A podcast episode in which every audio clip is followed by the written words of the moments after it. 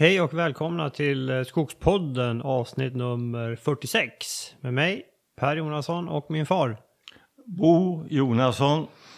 Ja, då sitter vi i vår eh, studio igen eh, mitt i Bergslagen och det är fortfarande mörkt ute idag. Mhm. Mm. En mörk decembermorgon med snö på marken och adventsljusstakar i fönstren. Precis, det är 19 december nu och vi har, precis, vi har fått lite snö nu. Har vi, inte jättemycket men eh, ja, det börjar bli lite julstämning. Ja, mm. eftermiddagen igår var märkbart ljusare än vad den har varit. Ja. Vad de har varit hittills i december. Då det har varit snöfri mark. Ja, det, och det blev lite blötare röja märkte man också för det låg ganska mycket snö på skogen. Mm. Ja, eh, nog om det. Idag ska vi prata skogshistoria. Ja, Det är ju ett spännande ämne som kan bli hur stort som helst. Men eh, du har valt ut vissa delar som vi, du tänkte berätta om eh, som ska bli spännande. ja skogen har en spännande historia. Ja, precis. Och den, och den, den går ju liksom i flera olika genrer. Alltså den skär ju över hela samhället. Man kan, man kan se den från olika perspektiv. Så ja, men det är klart spännande. Innan vi hoppar in på det så ska vi tacka vår sponsor Husqvarna. Och de har ett meddelande till eh, alla Skogspoddens lyssnare. De önskar god jul och gott nytt år. Och eh, det gäller nog oss också. Det tackar vi för Det tackar vi för. och Eh, önskar detsamma. precis, det gör vi också. Eh, tack Husqvarna. Och vi ska också nämna, som ni vet, Husqvarna är ju den ledande tillverkaren för utomhusprodukter. Vad man än behöver för sitt skogsarbete så har de det. Eh, vi använder ju deras skyddskläder som vi eh, kan varmt rekommendera. Sen har de ju ett komplett program med motorsågar också. Och där vi använder ju ganska mycket den här batteridrivna motorsågen som heter 536 LIXP. Du har använt den ganska flitigt under hösten Bosse när du har gått och röjt. Den är ju så väldigt lätt och smidig att bära med sig. Eh, det är idealiskt till just den typen av röjning som jag har sysslat med eh, 15-årig eh, tall och granskog. Eh, Mycket lättare att jobba med den än med en bensinmotordriven. Mm, mm. En elmotor har ju mycket högre verkningsgrad än en bensinmotor. Man kanske ligger på eh, drygt 90 procent jämfört med en bensinmotor där man kanske ligger på drygt 30 procent. Så det, det är en helt annan verkningsgrad. Eh, så den, den kan vi varmt rekommendera. Ska man fälla de här lite större träden, ja då måste man ha en bensindriven fortfarande. Och där använder ju vi en av deras större modeller, den som heter 572 XP. Och där har man ordentligt med kraft. Det är ju 70 kubikcentimeter. Där är det inte sågen som sätter begränsningen utan det är du själv. Den, den är väldigt bra att fälla med. Du kan ha, den är så pass kraftfull, du kan ha upp till 28 tums svärd om du vill. Mm. Ja, så uh, kika in på de här sågarna. Eh, de har ju naturligtvis ett, ett eh, fullt program, alla modeller. Kika in på dem om de har någon som passar er. Gå in på huskvarna.se eller ännu bättre besök en återförsäljare och känn på grejerna. Se om det här är något för er. Jag vill påminna, påminna om röjsågarna. Ja, De elektriska röjsågarna. Som jag också tycker är helt fantastiska. Alltså. vi har ju två stycken av dem och de har ju, de har ju gått eh, heta här under hösten. Vi har ju underröjt, eh, jag och Claes har underröjt eh, ja, över 25 hektar, uppemot 30 hektar nästan. Så det är ju, ja, vi har ju bara använt dem. Mm. Väldigt smidiga. Bra, vi ska också eh, tacka vår samarbetspartner Föreningen Skogen. Du och jag är medlemmar där Bosse. De, eh, det är en ideell förening som verkar för eh, skogsbruk och eh, utbildning, kunnande inom skogen. De ger ju ut eh, tidningen också som, som heter Skogen som eh, vi läser. Kika in på, gå in på skogen.se och eh, se om det är något för er också. All right, nu tycker jag vi kastar oss in i eh, skogshistoria, Bosse. Var, eh, var börjar man? Hur kom... eh, När, när fick Sverige skog? Vi har ju haft en istid. När skogen kom till Sverige.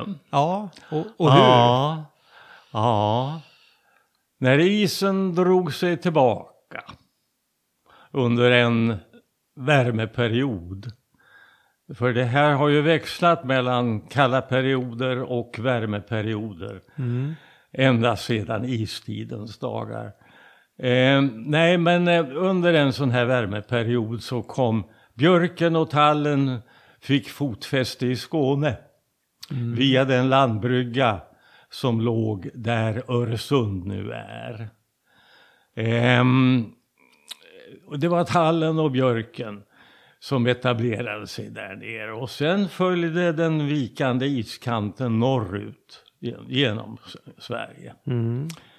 Ehm, granen kom inte den vägen. Utan den kom via Finland. Och eventuellt ifrån några små kustområden vid Norges atlantkust. Mm. Där granen eventuellt överlevde den, den sista istiden. Eller senaste istiden ska vi väl säga. Ja. Mm. Och det här är nu 10 000 år sedan? Ja, det är 10-12 000 år sedan det här. Just det. Mm. Och hur vet man det här? Det vet man genom pollenanalyser. Man kan alltså gå ner i torvmossarnas lager och räkna trädpollen. Och man kan datera de här lagren och därmed den, den eh, flora som då, den trädflora som då fanns. Ehm, det var en svensk, han hette von Post, som kom på den här metoden och utvecklade den under tidigt 1900-tal. Mm. En stor vetenskaplig bedrift. Ja, verkligen. Det är fantastiskt. Ja. Ja, ja, ja. Mm. Mm, okej, ja, okej, men vad... Då är vi 10 000 år, gran, tall, björk har kommit. Vad händer sen? Ja, de, de där träslagen de knallar på norrut och möter så småningom granen.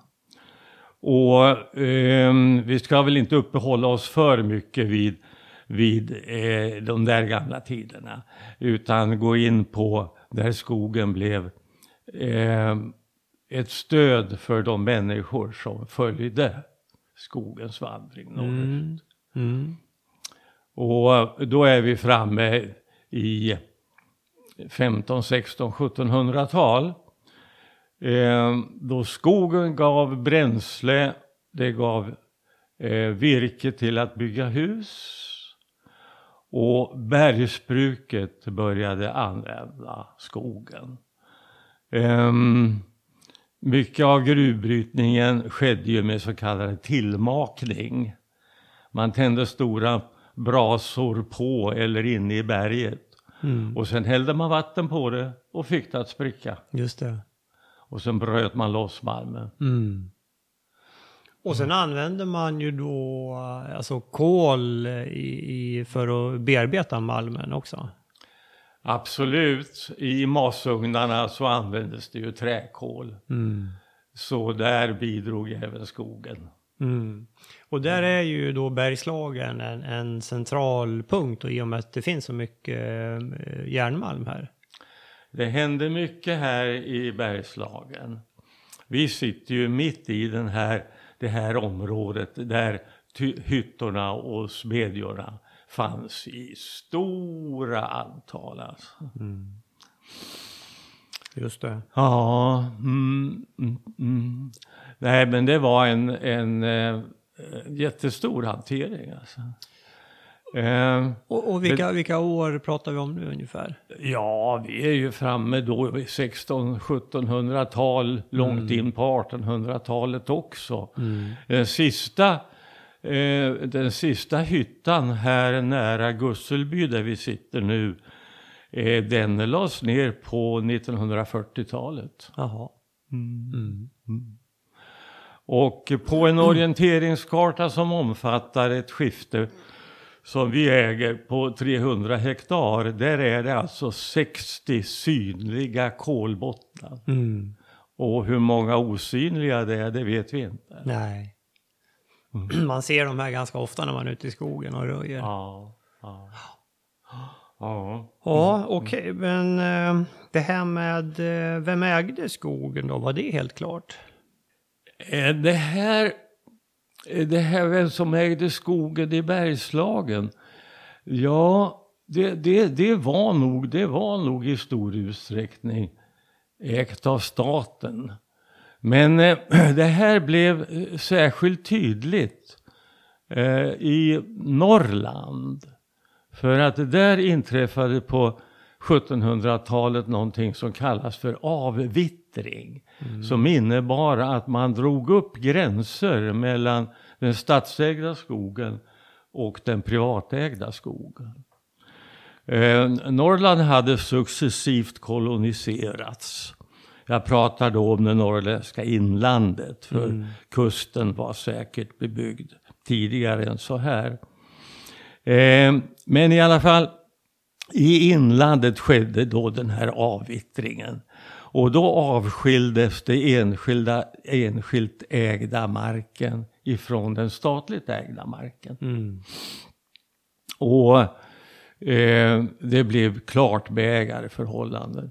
Och då fick de här, de som hade koloniserat och brutit mark, de fick naturligtvis behålla och äga med äganderätt den mark som de hade odlat upp. Plus att de fick en, en skogsareal som stod i proportion till hur mycket de hade odlat upp. Ja, ja.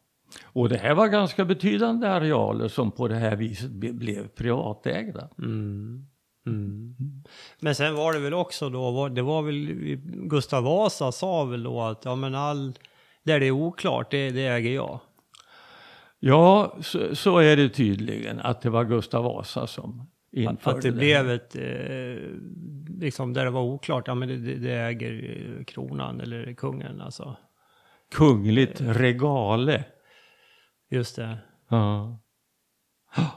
Mm. Ja. Nej, men i, i, det, det här var alltså före sågverksepoken. Mm, just det. Eh, men eh, eh, just sågverksepoken var också en väldigt spännande period, särskilt då i Norrlands historia. Alltså. Ja, för då började skogen bidra med ett värde, ett, ett stort värde. Ja, men visst. Och det här var alltså cirka 1850. Mm. Och en förutsättning för det här, det var ångmaskinen. Som hade utvecklats och var användbar. Ja. Så att det började växa upp ångsågar längs hela Norrlandskusten. Mm. Den första kom ganska precis 18, det var åren före, omedelbart före 1850 tror jag. 1849, 1849 var det ja. Tunadal, Ja, just det. nämnde du igår. Ja, just det. Tunadal som fortfarande är SCAs stora sågverk i Sundsvallsdistriktet. Men redan på 1860-70-talen så fanns det tiotals eh, ångsågar efter Norrlandskusten. Och de här exporterade, och vad, vad var det som gjorde att exporten drog igång just vid den här tiden? Alltså det stora köparlandet det var England. Och eh, frihandeln kom vid den här tiden. Och en industriell utveckling i England. Och eh, behovet av trä var stort. Mm.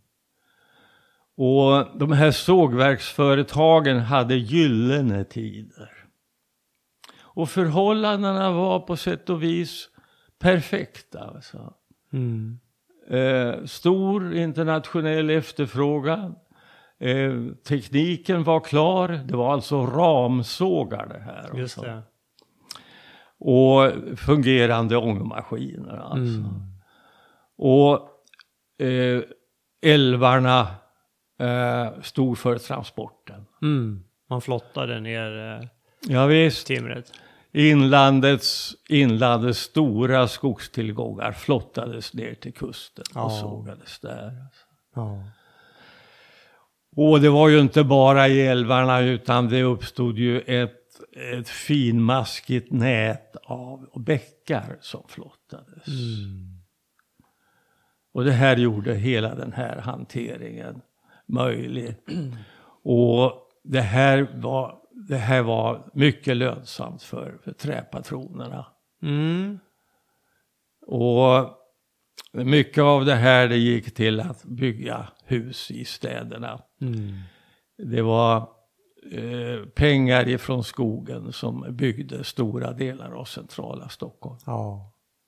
Och vill man se det på nära håll så kan man ju besöka Hallwylska palatset på Hamngatan i Stockholm. Som är värt ett besök. Eh, Hallwyls ägde och drev det störst, den största av alla sågar efter Norrlandskusten, nämligen den i Ljusne, som hade 20 ramar. Ja, det är ju, det är ju stort. Men det här var alltså en förhållandevis kort period. Det var åren mellan 1850 och 1900. För sen satte skogsbristen stopp. Eh, sågen i Ljusne lades ner 1907. Mm. Och den bakomliggande orsaken det var råvarubrist. Eller att råvaran helt enkelt blev för dyr. För man, man köpte ju avverkningsrätter på, på 50 år. Ja, visst. Bolagen köpte alltså av privata ägare rätten att avverka på deras mark i 50 år. Otroligt. Och du berättade att det, det, var, det var bara tall i princip man använde. Ja, det var tallen. Granen hade, efter vad jag förstår, inget värde på export. Mm. Den fick eh, annan användning några årtionden senare, Ja, nämligen i massafabrikerna. just det. För massaindustrin utvecklades på, på 1870-1880-talet och framåt. Och då var det sulfitmetoden som använde gran som råvara. Ja. Kunde inte använda tall. Nej. Nej. Och det här kom delvis från England. eh. Ja, men utvecklades i Sverige. Mm, En man som hette Ekman. just det. Ett namn som återkommer ofta i skogsindustriella sammanhang. Ja. Och skogliga sammanhang. ja. Ja. Eh, nej men som sagt 1700, eh, 1880 ungefär så, så var den här metoden i, i full drift och antalet sulfitfabriker var många Mm. ännu fram på 1950-talet. Ja. Och då, du, du sa ju lönsamheten försvann ifrån sågverken då. Det, det blev för dyrt att transportera råvaran och så vidare. Men då, då tog ju massafabrikerna, då tog ju de över lönsamheten. Kan man se det så? Eh, ja, det, det är säkert delvis helt korrekt att, att säga så, ja. För den, den bilden har man ju idag. Att idag är det ju liksom massa och pappersindustrin som tjänar pengar. Det, det är kanske inte direkt sågverken. Nej, även om de just nu har ett litet uppsving förstås. Just nu har de ju det. Men Ja. eh, Mm. tittar vi Mm. över 20 år så är det väl massaindustrin. Sen kom pappersindustrin, alltså att man vidareförädlade massan till papper. Det, det kom runt år 1900. Ja. Och det var ju eh, alltså, men det, det var väl lite senare. Både Södra och, och Wallenbergarna var ju, byggde ju. Ja, då är vi väl lite längre det- fram det i senare, tiden. Ja, precis. Ja. Ehm, nej, men det här, är- det här är en väldigt spännande utveckling alltså. Mm. Men då efter år 1900 så började den här sågverksdöden. Eh, En ganska snabb nedläggning av de här sågverken som hade vuxit upp längs hela Norrlandskusten. Eh, det hade under tiden också vuxit fram en, en sågverksindustri i södra Sverige. Men då var det inte ramsågar, Nej. utan då var det klingsågar. Många av dem började som en liten bondsåg. Mm. Och ehm, eh, växte så småningom, en del av dem växte och blev välmående, välskötta, framgångsrika sågverksföretag. Mm. De som fortfarande finns i södra Sverige. Alltså. Ja. Nu var det inte bara var ju inte bara sågat virke som exporterades utan här hade pitprops.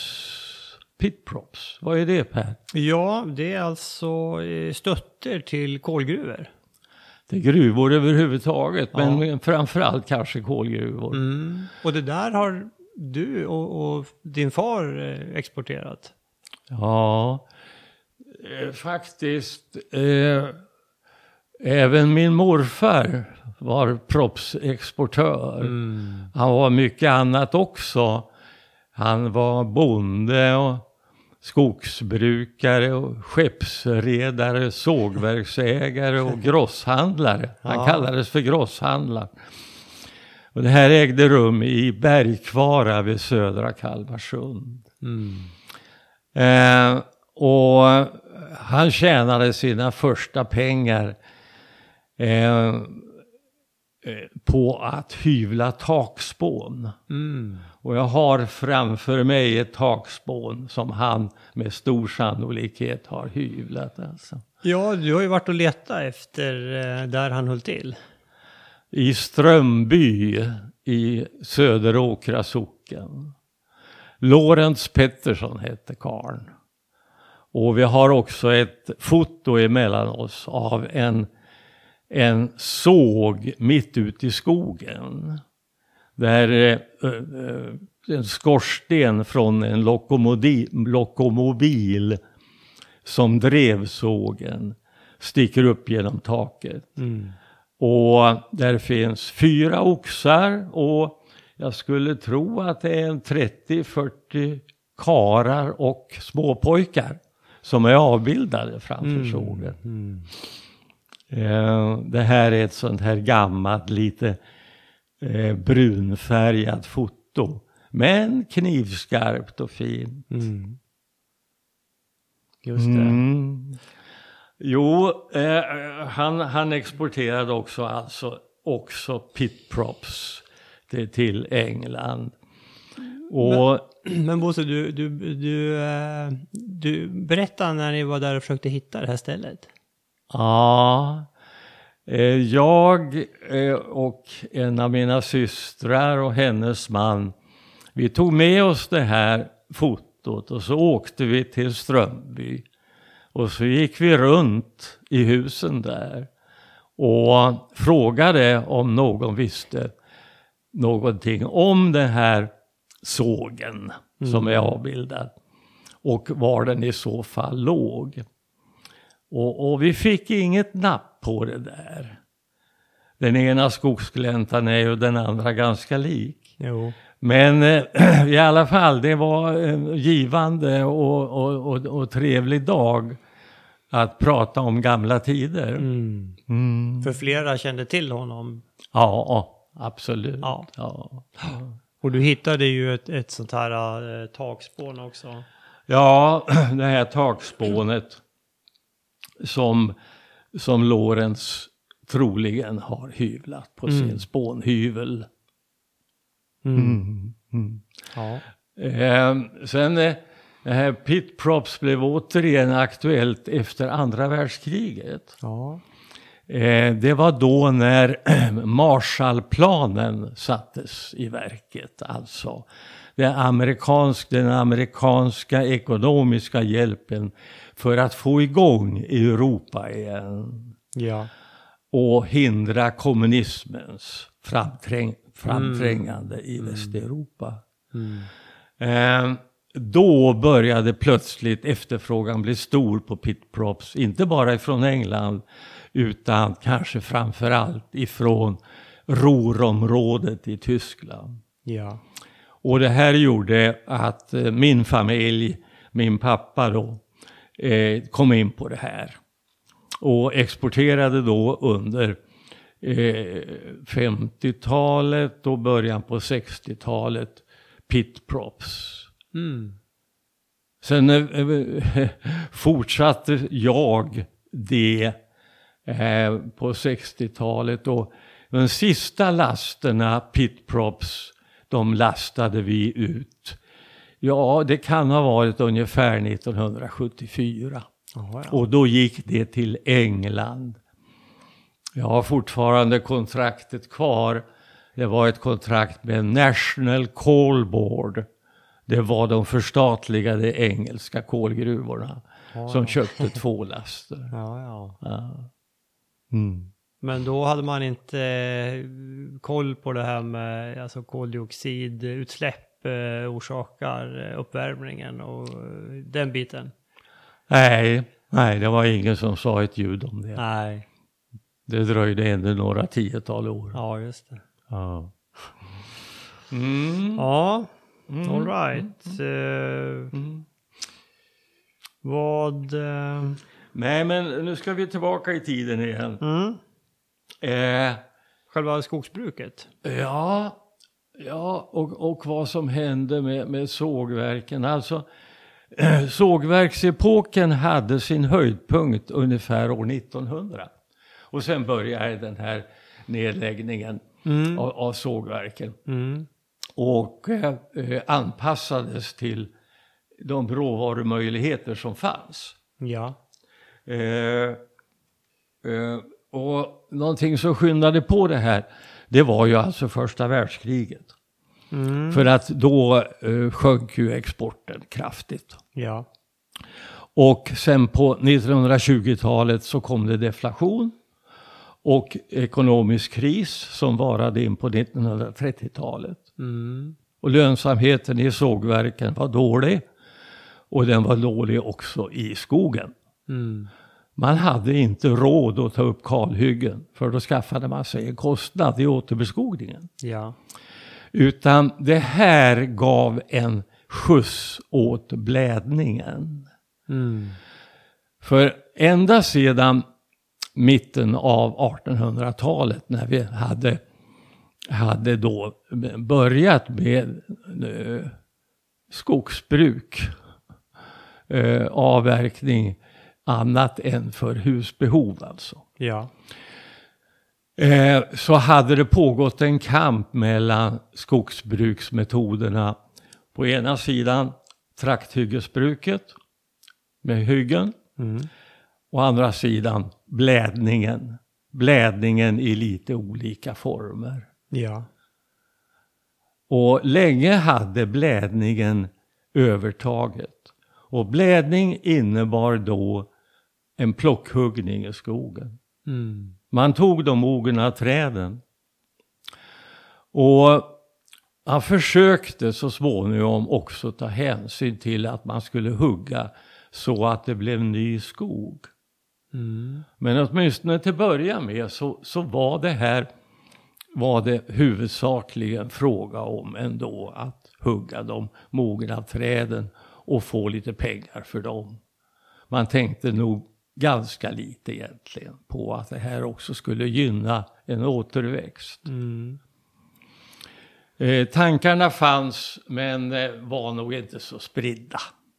Nej, man kanske inte hade kunskapen heller riktigt hur liksom skogen föryngrar sig och det här med att det behövs ljus för att tallen ska komma fram. Och sånt Ja. där. Det- Man kanske inte tänkte på det riktigt.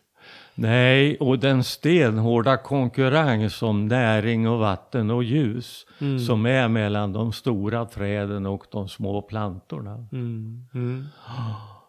Eh, Mycket av kunskapen den kom ifrån Tyskland. Ja. I Sverige fanns ingen skogsforskning. Det var först första åren på 1900-talet som det inrättades en forskningsinstitution. Forstliga ja, forskningsinstitutionen eller någonting sånt Ja. här. Här bytte så småningom namn till Statens skogsforskningsinstitut. Mhm. som nu är en del av SLU, Ja. alltså Sveriges lantbruksuniversitet. Mm. Men i alla fall, mycket av det här med trakthyggesbruk och återföljande plantering, den metoden, mycket av det kom ifrån Tyskland. Det var tysk kunskap som utnyttjades här. Man importerade kunskap och kunniga personer ifrån Tyskland. Ja.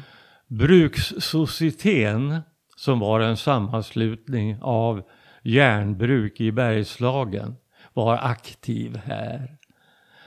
Här kom på 1840-talet en man som hette Obarius som etablerade en skogsskola i Bysala i Västmanland, Mm. alltså nära Färna bruk. Mm. Och det blev så att det började bedrivas så småningom en ordnad skogsskötsel på de här bruken i Bergslagen. Och, och det är naturligt att tro det att det här blev små öar av välskötta skogar som inspirerade andra i närheten att göra samma sak. Mm. Men var det, var det trakthyggesbruk då eller? Ja, det, det, han, det han införde det var trakthyggesbruk. Alltså. Mm. Mm. Mm. Och plantering. Eh, det var så på den tiden och ganska långt i framtiden egentligen. Hade man ett hygge så anlade man en liten plantskola i anslutning till det hygget. Mm. För att, för Och att drog upp plantor där. drog upp sina egna plantor? Ja, ja, ja, ja. Och sen planterar man dem? Mm. Mm. Mm. Och då använder man kott då ifrån eh, generationen innan då antagligen? Ja, det, Mm. det gjorde man med stor sannolikhet. Mm. Just det. Alltså överhuvudtaget så det, här, det tyska inflytandet på svensk skogsbruk var, var mycket stor. Alltså. Ja. Eh, Men den här, den här kampen då mellan, mellan de här två skogsbrukssätten, blädning och trakthyggesbruk, den fortgick länge. Eh, fram emot 1950 eller omkring 1950 så fick trakthyggesbruket övertaget. Och eh, som man då såg det i alla fall. Sen eh, lever ju faktiskt den här resonemanget fortfarande, eller den här kampen mellan idéer. Nu har vi ju kontinuitetsskogsbruk, Mm. Mm. kallar vi det. Mm. Eh, och visst, det, det är uppenbart att det lockar många. Och vi tillämpar ju också en sorts kontinuitetsskogsbruk. Men på en ganska blygsam nivå. Eh, det vi gör det är att vi, vi sparar eh, de etablerade, den etablerade underväxt som finns under den mogna skogen. Mm. Vi sparar den till nästa generation. Så på ett hygge som vi tog förra vintern så hade vi 18 sådana här fläckar på, på 10 hektar. Mm. Det är inga stora fläckar, det är ingenting som dominerar. Men det är i alla fall ett försök att ta tillvara det här som är etablerat och säkrat. Ja. Och samtidigt skapa en variation i skogen. ja, men precis. Och det är ju allt ifrån, det kan ju vara granar som är en halv meter och sen hade vi några områden där det var kanske 10-12 meter. Ja. Eh, och vi var, det var ju senast igår när jag och Claes underröjde så kom vi ju till ett sånt område där det var eh, mycket granunderväxt. Och då, då gick vi ju runt om och, och spar det. Ja. Så det, det kan ju bli riktigt fint. Och det är ju som du säger, det, det skapar ju... Ja, det blir som en liten, en, en grön... eh, En, en grön bit då som, som blir Ja. kvar när man, eh, när man tar Mm. ett hygge. Ja. Så det, det är ju en, en form av, av lite kontinuitetsskogsbruk. Det är ju också så att, att eh, skördarna är duktiga på att rikta fällningen. Ja. Så att det går ganska bra att spara sånt här. Ja. Och vi har ju pratat igår kväll och nu på morgonen faktiskt om det här området som du och Claes eh, underröjde igår där det är det är alltså ett förhållande, för våra förhållanden, ganska stort en, enhetligt område med ytfuktig mark. Mm. Där granen har etablerat sig under tall och gran, överbestånd av tall och gran. Mm. Mm. Och där förutsättningarna tror jag är bra för att kunna spara det här. Mm. Det kommer innebära lite extra kostnader i avverkningen men det, jag tror att det är värt det. Ja det tror jag med. Mm. Mm. Så det är ju någonting man kan kika på själv. Ja. Mm. Mm. mm. mm. Vad har vi mera om historien då? Ja. Uno Valmo. Ja. Har du inte nämnt. Ja. Uno Valmo han var eh, eh, han var alltså jägmästare och han skrev en bok som heter Rationell skogsavverkning. Och den kom ut 1897. Och där pratade han vältaligt om det här med blädning. Och det här tillämpades på två skogsbruk i Mellansverige. Det ena var Högsjöbruk i eh, Närke. Och det andra var Lindesbergs stadsskog. Mm. Som bara är några kilometer ifrån där vi nu sitter. Mm. Och eh, han, eh, han eh, var tydligen duktig att argumentera för den här metoden. Och jag tror att han bidrog väsentligt till att den tillämpades på många andra ställen också. Mm. Eh, men... Eh, du har inte, det här med den gröna lugnen har du inte nämnt. Nej, nej, nej. nej. Alltså när, när, när, när blädningen gick för långt. Ja, visst. Visst. Alltså man tillämpade ju det här på alla typer av marker. Alltså. Och, och vi vet ju idag hur vilka jättestora skillnader det är bland annat mellan norra och södra Sverige när det gäller de rent biologiska förutsättningarna. Alltså hela, att i stora delar av inre Norrland och, och i lappmarken tillämpar samma metoder som i södra Sverige, ja det vet vi ju att det, det, det, det går inte nu. Och hur skogen såg ut på 1940-talet, särskilt då i övre Norrlands inland, det, det finns beskrivet av Fredrik Ebeling som så småningom blev generaldirektör för, för Skogsstyrelsen. Eh, eh, han skriver så här i en bok som heter Sveriges skogar under hundra år. Under rubriken 1950-talet skriver han så här. Den successiva utglesningshuggningarna hade nått sitt slutstadium under 1940-talet. Ett slutstadium som uppnåtts ungefär samtidigt över sammanhängande jättearealer. Det fanns helt enkelt ingen skog att spara. Det fanns för lite skog och för dålig skog för att medge tillfredsställande produktion. Det fanns för mycket skog och olämplig skog för att möjliggöra föryngring. Glesa slöjor blockerade vad som rätteligen var återväxtytor. Mm. Man det, hade det, nått ett slutstadium helt enkelt. Det var den gröna lugnen, alltså de här ras och rest, eh, nej tras och restskogar pratar man om va? Ja, ja, ja, ja, ja. Ja. Och där framträdde en man som hette Joel Wretlind. Ja. Eh, Jag hade förmånen att under studieåren göra ett besök på Malå revir i norra Västerbotten. Mm. Och se resultatet av hans då 30-åriga 30-åriga arbete med det här. Mm. Han hade gått sin egen väg. Han hade tagit upp hyggen. Mm.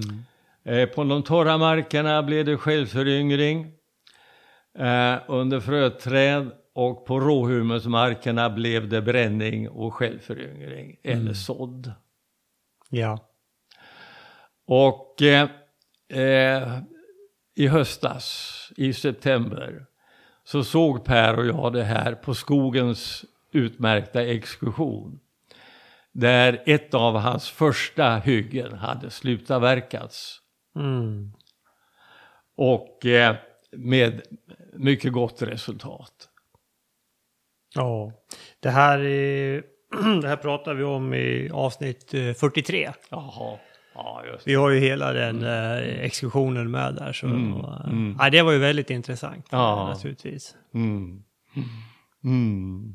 Mm. Nej, och det, det här eh, innebar ju en vändpunkt. Eh, eh, och man tog ju verkligen itu med de här gröna lögnerna som fanns på så stora arealer. Ja. Högg ner dem och beskogade dem i stor utsträckning med plantering. Ja. Så där, eh, och sen, jag menar nu ökar ju virkesförrådet i de svenska skogarna för varje år. Alltså på 1920-talet började en process som har haft väldigt stor betydelse och det är riksskogstaxeringen. Mm. Eh, man frågade sig ju vid den här tiden, då, låt oss säga att det var ungefär 1920. Eh, håller skogen på att ta slut? Har vi skogsbrist? Mm. Och för att gå till botten med det här så startade den första riksskogstaxeringen eh, i början på 1920-talet. Och resultatet av den det blev det att det genomsnittliga virkesförrådet på den svenska skogsmarken det var 78 kubikmeter. 78 skogskubikmeter per hektar. Mm. Vilket ju är en mycket låg siffra. Ja. Sen eh, eh, nu pågår ju den här riksskogstaxeringen kontinuerligt. Och nu in på 2000-talet så är vi uppe i nästan en fördubbling av det virkesförrådet. Mm. Eh, nu är det alltså eh, nu är det alltså Ja, vi behöver inte, inte bläddra fram det. Men det är kolossalt mycket större. Alltså det var 78 kubikmeter per hektar på 1920-talet. På början på 1950-talet hade det här ökat till eh, ungefär 85 kubikmeter. Mm. Eh, och, men nu är vi alltså uppe i nivån 150 skogskubikmeter per hektar. Ja. Och som sagt, det här ökar ju. Mm. Frågan är om eh, skogen kommer att räcka till till allting i framtiden. Det är, mer och mer pekar på att det, det, gör inte det. Skogen ska räcka till mycket. Ja, eh, precis. Alltså bioekonomin när vi börjar använda skogen till, till eh, allt möjligt. Där vi tidigare använt fossila eh, medel. Ja. Då, eh, ja. då, blir, kan det, då, är, då blir det en bristvara. ja. Det, det här träbyggandet, jag vet inte, har du nämnt någonting om det? Det har du inte nämnt. Det, det, har ju, det håller ju på verkligen, där, där händer det, det sker ju nu. Ja, och det är en väldigt intressant utveckling alltså. Ja. Och väldigt positiv. Vi går ju från en till fyra eh, KL-fabriker i Sverige på ganska kort tid. Ja, det här korslimmade träet. Ja. Ja. Och ja. där håller ju Folkhem, eh, vi intervjuar ju Sandra Frank eh, i ett eh, poddavsnitt, kommer inte ihåg vilket. De, de har ju byggt de här två trähusen i Sundbyberg. De håller på nu och projekterar fyra stycken hus i Hagastaden, alltså överdäckningen av Essingeleden mellan Stockholm och Solna. Så det kommer att bli fyra hus och jag, jag, jag är inte riktigt säker på hur höga, om det var, men det är nog 12-13 våningar vi snackar om där. Mm. Så det blir ju, det blir ju mäktigt. Jag läste häromdagen i, i någon tidning om ett stort projekt i Skövde. Ja, just jag har också läst om det. Det är ett helt eh, kvarter med, med bara Ja. trähus. Ja. Och Växjö, där, där är fullt med trähus också. Och alla de här stora hallarna, idrottshallarna, flera är byggda i trä också. Man kan väl i efterhand bli förvånad att den här utvecklingen inte har kommit tidigare. Ja, det är en, det är en konservativ bransch, byggna, byggbranschen, helt klart eh, är det ju så. Mm. Men nu eh, pekar, eh, nu står Jupiter i, ligger rätt i förhållande till eh, Venus, så nu sker det. Ja. Mm. Ja, jättekul. Mm. det var en litet sidospår. Ska vi gå tillbaka till historien? Hur mycket vi, klockan rinner på. Vi har en liten intervju också vi inte får glömma. Får inte glömma det. Det, det finns mycket mer att säga om, om historien. Men ska vi inte bryta det där? Mm. Det gör vi. Och var, var har du lärt dig allt det här Bosse? Ja, eh, det är ju en bok som vi båda har läst på, på senare tid. Som heter Träd. Av Gunnar eh, Wetterberg. Ja, Den kan vi rekommendera. ja. Lämplig julklapp. Ja. Men du har ju, du kunde det här innan du läste den boken antar jag. Ja, eh, eh, den här Sveriges skogar under hundra år, eh, den innehåller mycket fakta Ja. om utvecklingen. Jag har en annan bok här eh, som heter Barnen, skogen och skolan. Ja. Som handlar om det här att barn, skolbarn eh, skickades ut några skoldagar i skogen och plantera Mm. skog. Inte därför att det saknades arbetskraft. Utan därför att man ville skapa en nationell känsla av skogens betydelse. Mm.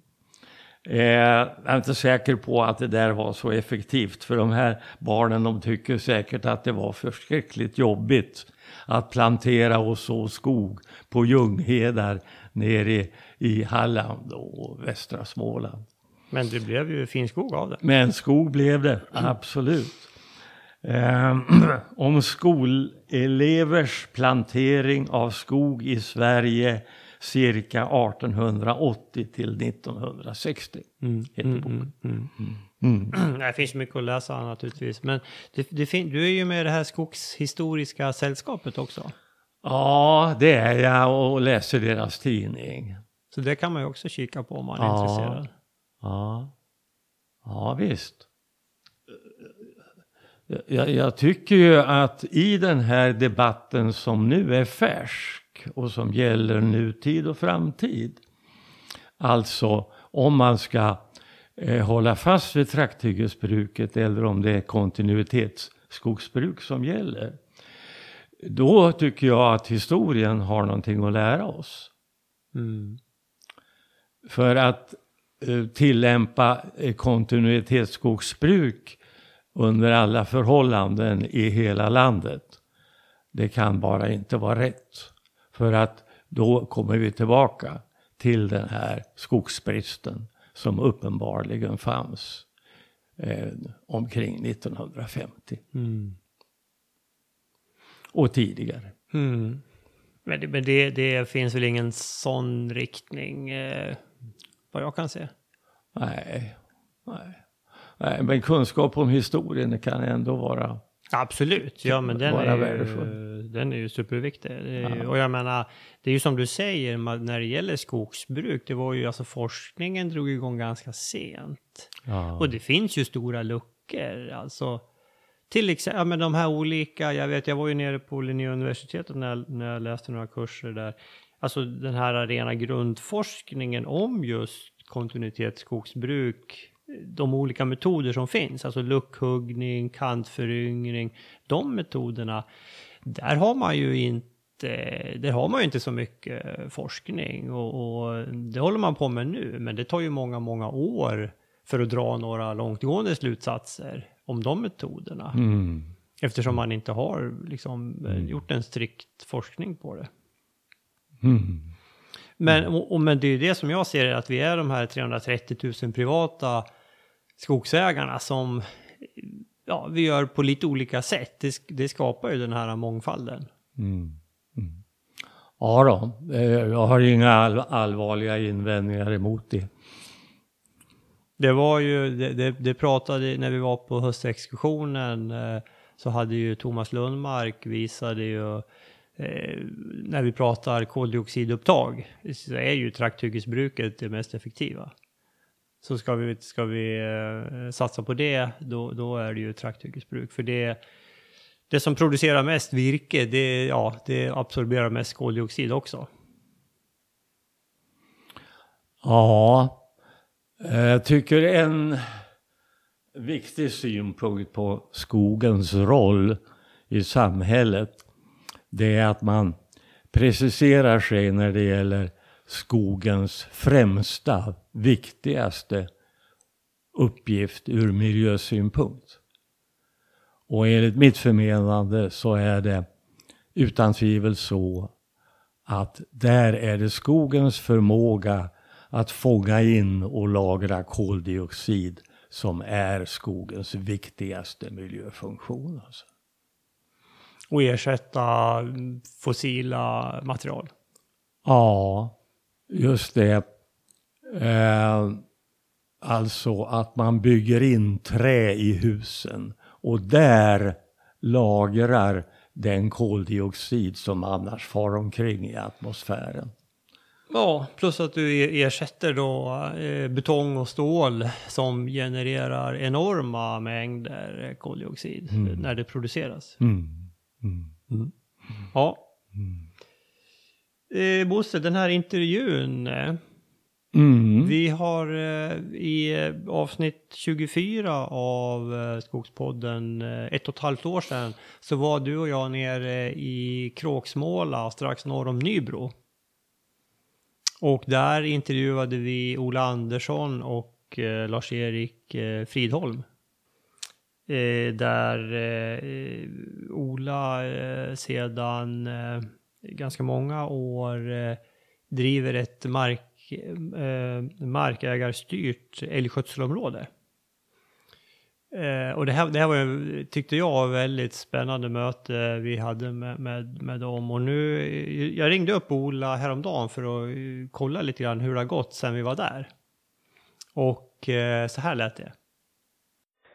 Hej Ola och välkommen åter till eh, Skogspodden eh, får jag säga. Ja men det får vi tacka för. Eh, Ola, vi var ju, jag och Bosse var ju hos dig och Eh, Lars-Erik Fridholm för ungefär ett och ett halvt år sedan. Vi intervjuade er och ni berättade om, era, om ert markägarstyrda älgskötselområde. Och jag ja. tänkte, eh, nu, nu skulle vi göra en liten uppföljning. Eh, vad, vad, som har, vad, vad har hänt sen, sen, sen sist? Ja, generellt kan man väl säga att det har fortsatt eh, i samma linje som det har gjort sedan vi körde igång det här älgskötselområdet 2009. Så att eh, vi, vi jobbar i princip på samma sätt och det fortsätter i samma positiva eh, riktning som det, det började. Ja. Ja, vad bra, vad, vad bra. För det, när vi var hos dig så berättade du att det hade, det hade varit lite turer. Ni hade fått lite lägre tilldelning och sen fick ni upp den igen. Det var lite tur fram och tillbaka. Speciellt där med, med Länsstyrelsen hade det kommit lite i clinch, berättade du, kommer jag ihåg. Ja, det stämmer. Vi var ju inte helt överens med älgförvaltningsområdet eller älgförvaltningsgruppen. Och, eh, men de svängde sedan när de konstaterade att eh, det här med betesskador, det gick i fel riktning i älgförvaltningsområdet. Och eh, man hade då trott att man hade fått en minskning men eh, det visade sig att älgstammen höll på att öka. Och i vårt eh, älgskötselområde utgör ju nästan halva arealen i älgförvaltningsområdet så att det påverkade ju en hel del men det hjälpte inte att vi minskade stammen för att i EFA-området totalt så var det en ökning. Mm. Och, och, det där gjorde att det blev lite lättare för oss att, att, få igenom våra önskemål om avskjutning och så vidare. Och till och med att man då frågade, kan ni tänka er att skjuta ännu mer än vad ni har begärt? Men eh, vi låg kvar vid det önskemålet vi hade och det, det, är i princip en rak linje som vi har skjutit efter sedan 2009. Ja, och det, det kunde ni använda nu eh, för vinterns jakt också, den här ganska höga tilldelningen? Ja, vi fick eh, vårt, eh, vår skötselplan blev godkänd för två år framåt och, och det innefattar detta året också så att eh, vi, vi håller ungefär samma linje, ja. ja. Ja, du berättade då, vet jag, det var alltså en vuxen per 200 hektar och fri kalvavskjutning i princip. Ja, stämmer bra det. Det har vi samma regler här nu. Det vi har infört, och jag tror inte vi hade gjort det när ni var hemma, det, vi hade då eh, märkte att det var fler och fler som ville skjuta tjurar. Och för att få en bättre balans och Länsstyrelsen har också ett önskemål om att tjurandelen i älgoxen ska ligga mellan 40 och 45 procent. Och, och för att klara detta så, så införde vi en regel som innebär att innan man får skjuta en tjur så måste man i varje jaktlag först ha skjutit antingen en kalv eller ett vuxet hondjur. Mm. Och det har ju inneburit en restriktion men vi kände att vi var tvungna att, föra in det här för att inte eh, skjuta allt för stor andel tjurar. Ja, jag förstår. Eh, det här... Tittar man nu ja, på den tioårsperioden som vi har skjutit så ligger vi idag på ett genomsnitt på att vi skjuter 55 procent eh, vuxna hondjur. 55 procent av de vuxna djuren utgör hondjur. Mm. Mm. Just det, just det. Och, det, och just det här, äh, jag vet du, du, du pratade mycket om det här goda lokala samarbetet mellan markägare och jägare. Har det liksom fortsatt i samma riktning där? Ja, vi märker ingen förändring utan vi har fortsatt varit överens om uttagen. Givetvis så kan det finnas någon enskild som, som har annorlunda åsikt men eh, nej, man har varit väldigt positiv till att vi har så lite restriktioner som vi har, att vi lämnar över så att säga besluten till jaktlagen och markägarna att skjuta det man anser behövs och, och vi ger dem då möjligheten genom att vi har en tilldelning som är ungefär dubbelt så stor som vad skötselplanen säger. Mm, just det. Ser ni, börjar ni se effekterna av det här? Jag vet, eh, ni nämnde då att älgstammen hade kommit ner men ni var ni var inte nöjda utan det skulle ner ytterligare för att liksom minska betesskadorna. Ser ni att ni, har, att ni har kommit närmare eller märker ni skillnad? Ja, eh, det går ju åt rätt håll helt klart. Och eh, när vi, eh, vi körde igång 2009, så vi har på det tionde året i år. Och eh, år nummer två, 2011, så gjorde vi en flyginventering som visade på att vi låg ungefär på en 12-13 älgar per tusen hektar i vinterstam. Mm. Och eh, vi följer ju då framför allt genom älgopsen hur utvecklingen är och där ser vi att antal ops per mantimme sjunker för varje år. Och eh, tar man det som jämförelsetal så skulle vi idag då ligga på mellan 6 och 7 älgar per tusen hektar. Mm. Så att vi, vi, har ju reducerat stammen rejält och det, det syns i skogen. Samtidigt så har vi då en målsättning att vi ska komma ner i någonstans mellan 3 och 5 älgar per tusen hektar. För att det kunna vända och få, den här balansen mellan vildstam och eh. Så mm. att vi, vi har en bit kvar, men eh, det går i rätt riktning. Ja. Ser ni också att äbbinsiffrorna ser bättre ut? Nej, där är det, går det åt andra hållet. Mm. Både och kan jag väl säga förresten. För att vi hade en ny Ebbin nu 2018 i våras. Och eh, tittar vi där på ackumulerade skador så visade det sig att eh, vi hade för två år sedan ungefär 77 procent i skador. Mm. Medan det nu hade stigit till 83 procent. Det är ju då i älgförvaltningsområdet så att det är ju en yta som är ungefär dubbelt så stor som vårt älgskötselområde. Det är ungefär 80 000 hektar mm. i älgförvaltningsområdet. Och vårt älgskötselområde är 38 000 lite drygt idag. Mm. Men eh, vår misstanke är då att i den andra halvan som ligger utanför vårt älgskötselområde så har skadefrekvensen ökat i betydlig omfattning medan den bör ha minskat i vårt område. Och eh, när vi tittar, går runt och tittar i våra ungskogar så är det betydligt trevligare idag än vad det var för tio år sedan. Mm. Ja, det är ju skönt att höra. Men eh, eh, när det gäller årsskador så har det då minskat något. Och eh, då var det 19 procent i skador för två år sedan och nu var det nere i 14 procent. Men det är ju alldeles för mycket i förhållande till målsättningen då på någonstans mellan 2 till 5 procent. Mm. Ja, visst, det är ju fortfarande väldigt höga siffror. Ja, det är det. Ja, just det. Ja, och jag vet, ni berättade också att ni hade ju sett en, en, en viss nedgång i även i eh, alltså viltolyckor, trafik, trafikviltolyckor också. Ja. Där ligger vi ju på en väldigt, väldigt låg nivå, mellan en och två älgar per tusen hektar. Eh, eller eh, i vårt område rättare sagt, mellan en och två älgar mm. i, i vårt område. Och eh, när vi gick in i det här så hade vi ju nio stycken. Ja, ja det är stor skillnad. Ja, det är det. Ja. Hur har det, hur har det skett? Har, har ni fått någon mera uppmärksamhet generellt? Jag vet att strax efter vi hade varit och intervjuat er och, och släppt podden här så, så var Södra Kontakt och intervjuade er här för mig i, i, i Södras tidning. Stämmer. Och därutöver har ATL haft ett uppslag också. Så mm. att det är väl de som jag kan komma på mm. nu uh, att, som har, har följt upp vår verksamhet. Mm. Sen fick jag ett samtal för ett par veckor sedan här ifrån en eh, inom södra koncernen som skulle arrangera möte i Nybro på temat eh, betesskador i skogen. Och eh, man räknade då med att det skulle komma en 120-130 stycken södra medlemmar. Och då skulle de vilja att jag kom dit och, höll, och höll ett föredrag i slutet på januari kring, som man eh, uttryckte det, vår lyckosamma eh, viltförvaltning inom vårt älgskötselområde. Så att mm. jag kommer att förbereda en del inför det här nu i, i januari. Just det.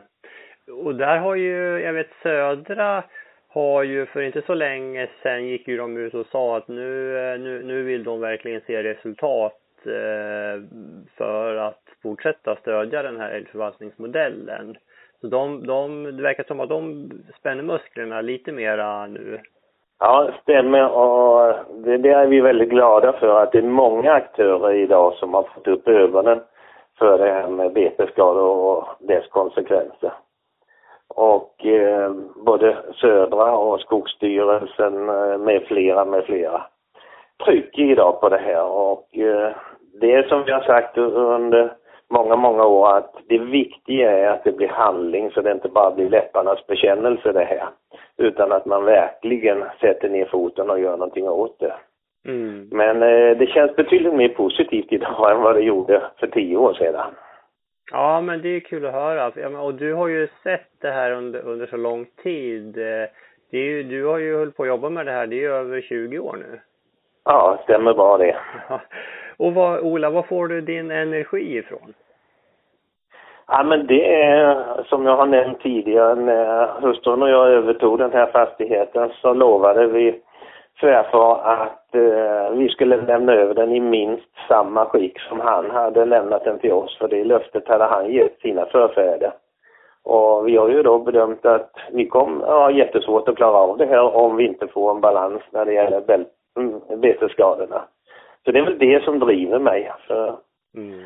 Och jag ser de här planteringarna så, som nu repar sig och de nya planteringarna som klarar sig betydligt bättre. Det, det, det ger lön för mödan. Och samtidigt så får ju jag och styrelsen i älgskötselområdet många klappar på axeln för det arbete vi lägger ner här och det är också någonting som, som stärker. Mm. Ja, en fantastisk. Eh, Bosse och jag, vi brukar ofta prata om er och ert fantastiskt fina arbete där nere och ja, vi är djupt imponerade och ni, eh, ni ska ha all, all, eh, all eloge ni ska ha en stor eloge för det arbetet eh, som ni lägger ner på det här. Och att du lyckas göra det här också med, med en så positiv attityd tycker jag är, är fantastiskt skojigt också. Ja, det är roligt att höra. Ja. Nej, men vad kul, vad kul att höra att, att det fortsätter och att det går åt rätt håll och vi kommer gärna tillbaka om eh, något år eller så och gör en ny uppföljning så, så, så, ska vi följa hur, hur, det, hur det går hos er helt enkelt. Ja, Nej, och tittar vi på årets eh, jazz så ser det positivt ut. Vi har ju fortfarande, jag tror det är sju veckor kvar här. Men eh, vi ser det nog möjligt att klara de mål som är uppsatta.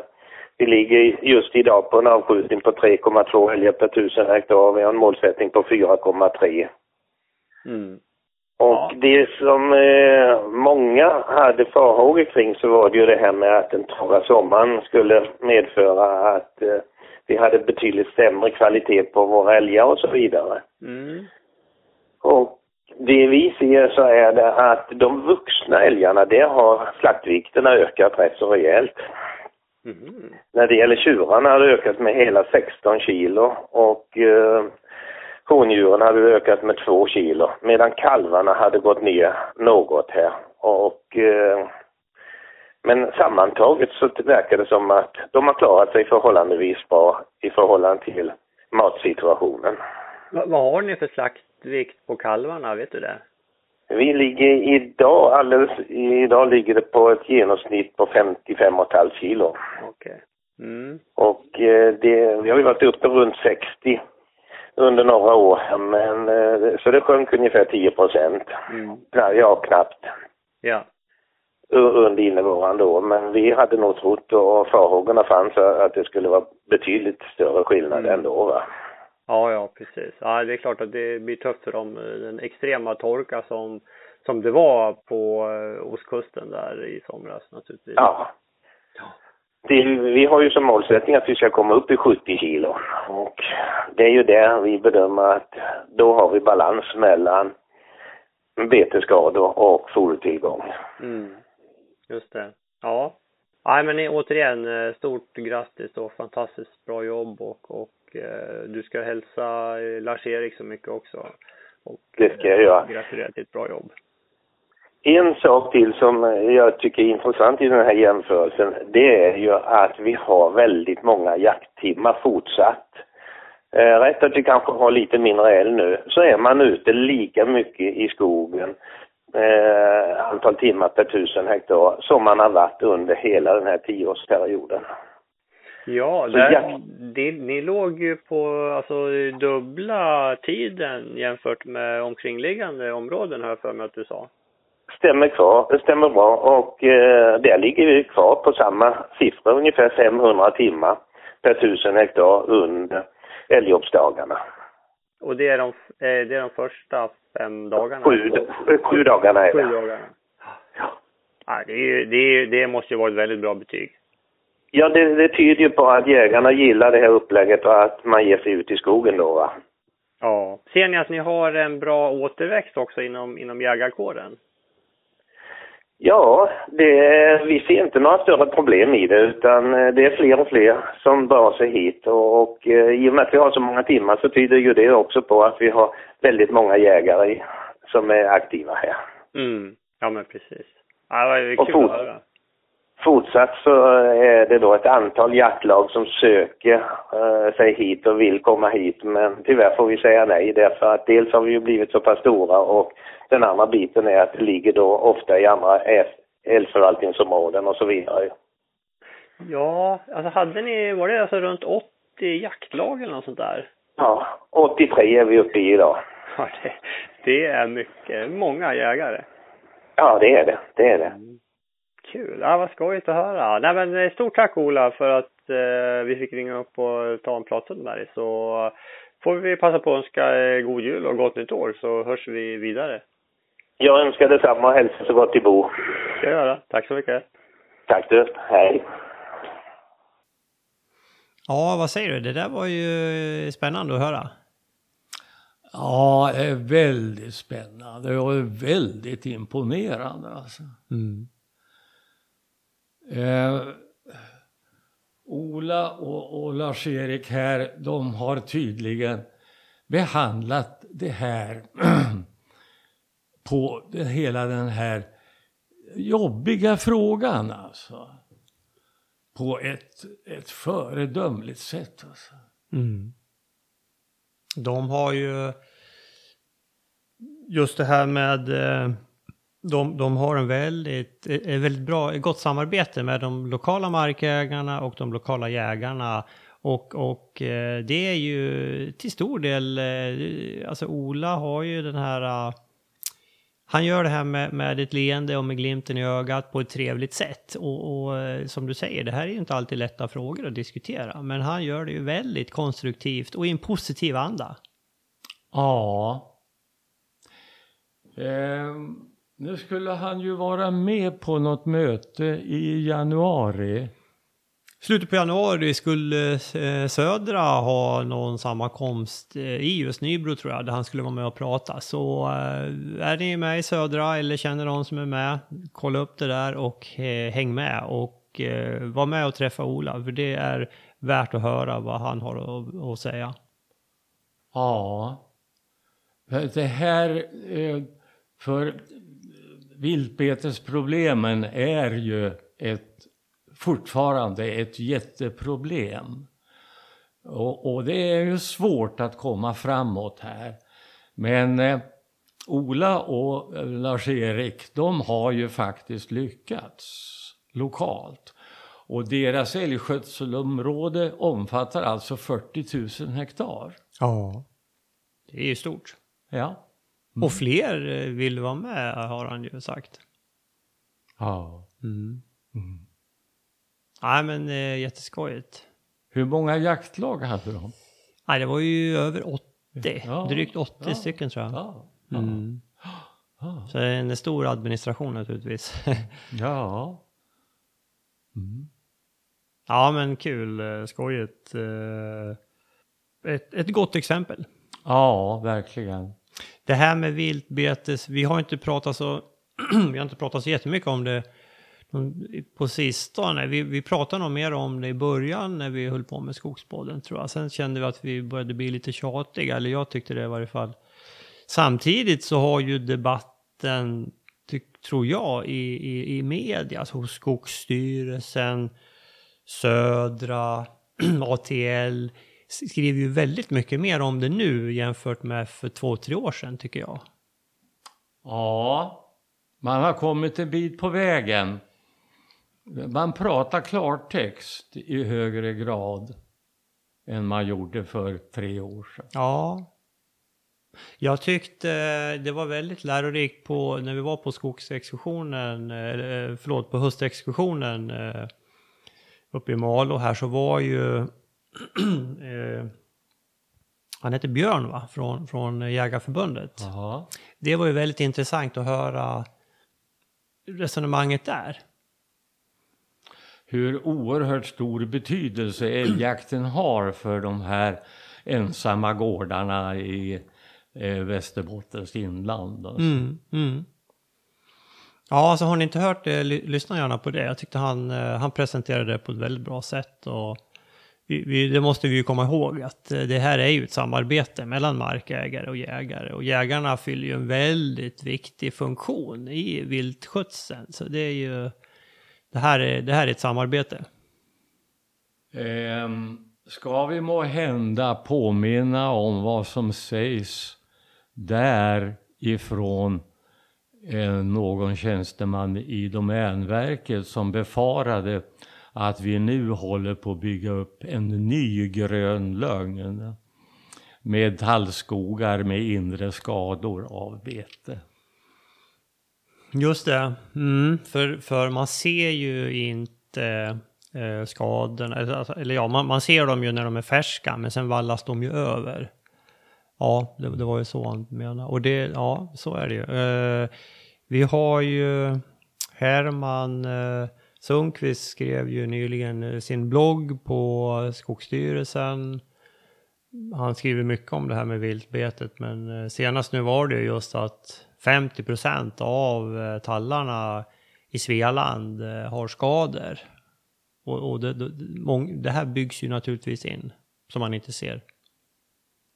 Men det finns där. De, de finns ju där, ja. Och det här kommer ju bli ett problem för, för hela eh, kedjan. Alltså skogsägaren och för sågverken och för slutanvändarna. Mm. Mm. Bra, då jag tror vi får börja runda av där. Ja, det får vi göra. Det, vi, har, vi hann ju bara nästan skrapa på ytan när det gäller Ja. skogshistoria. Ja, det ja. finns ju hur mycket som helst Ja. att berätta där. Men eh, vi hoppas att vi gav en inblick i, i det i varje fall. Och, eh, kommande avsnitt Bosse, vi har ju vi har fått lite förfrågningar om det här med frötallar. Ja, Så där tycker jag vi har ett avsnitt att göra. Och, och vi har ju faktiskt en, en frötallsavverkning vi kommer att göra nu i januari. mm. Så det blir väl kanske lämpligt att ta det ganska snart. Eh, inte bara avverkningen utan lite grann eh, hur vi tänker när vi ställer frötallar och vad ska man tänka på när man, när man bedömer vilka som ska vara frötallar och så vidare. Så det finns en hel del att prata om. Och hur avverkar man dem skonsamt? Vi har ju här på senare år eh, ganska konsekvent ställt kvar frötallar på våra hyggen. Mm. Eh, vi eh, beskogar på annat sätt också eh, under de här frötallarna. Mm. Men vi tycker att eh, frötallarna behövs i alla fall. Bland annat så skapar de ju viltbete. Ja. Det vill säga det kommer ett och annat frö singlande uppifrån och eh, etablerar sig någonstans emellan ett par huvudstammar på marken. Och den här, skulle, den här lilla tallen då som växer upp den skulle antingen röjas bort eller också får den stå där som viltfoder. Mm.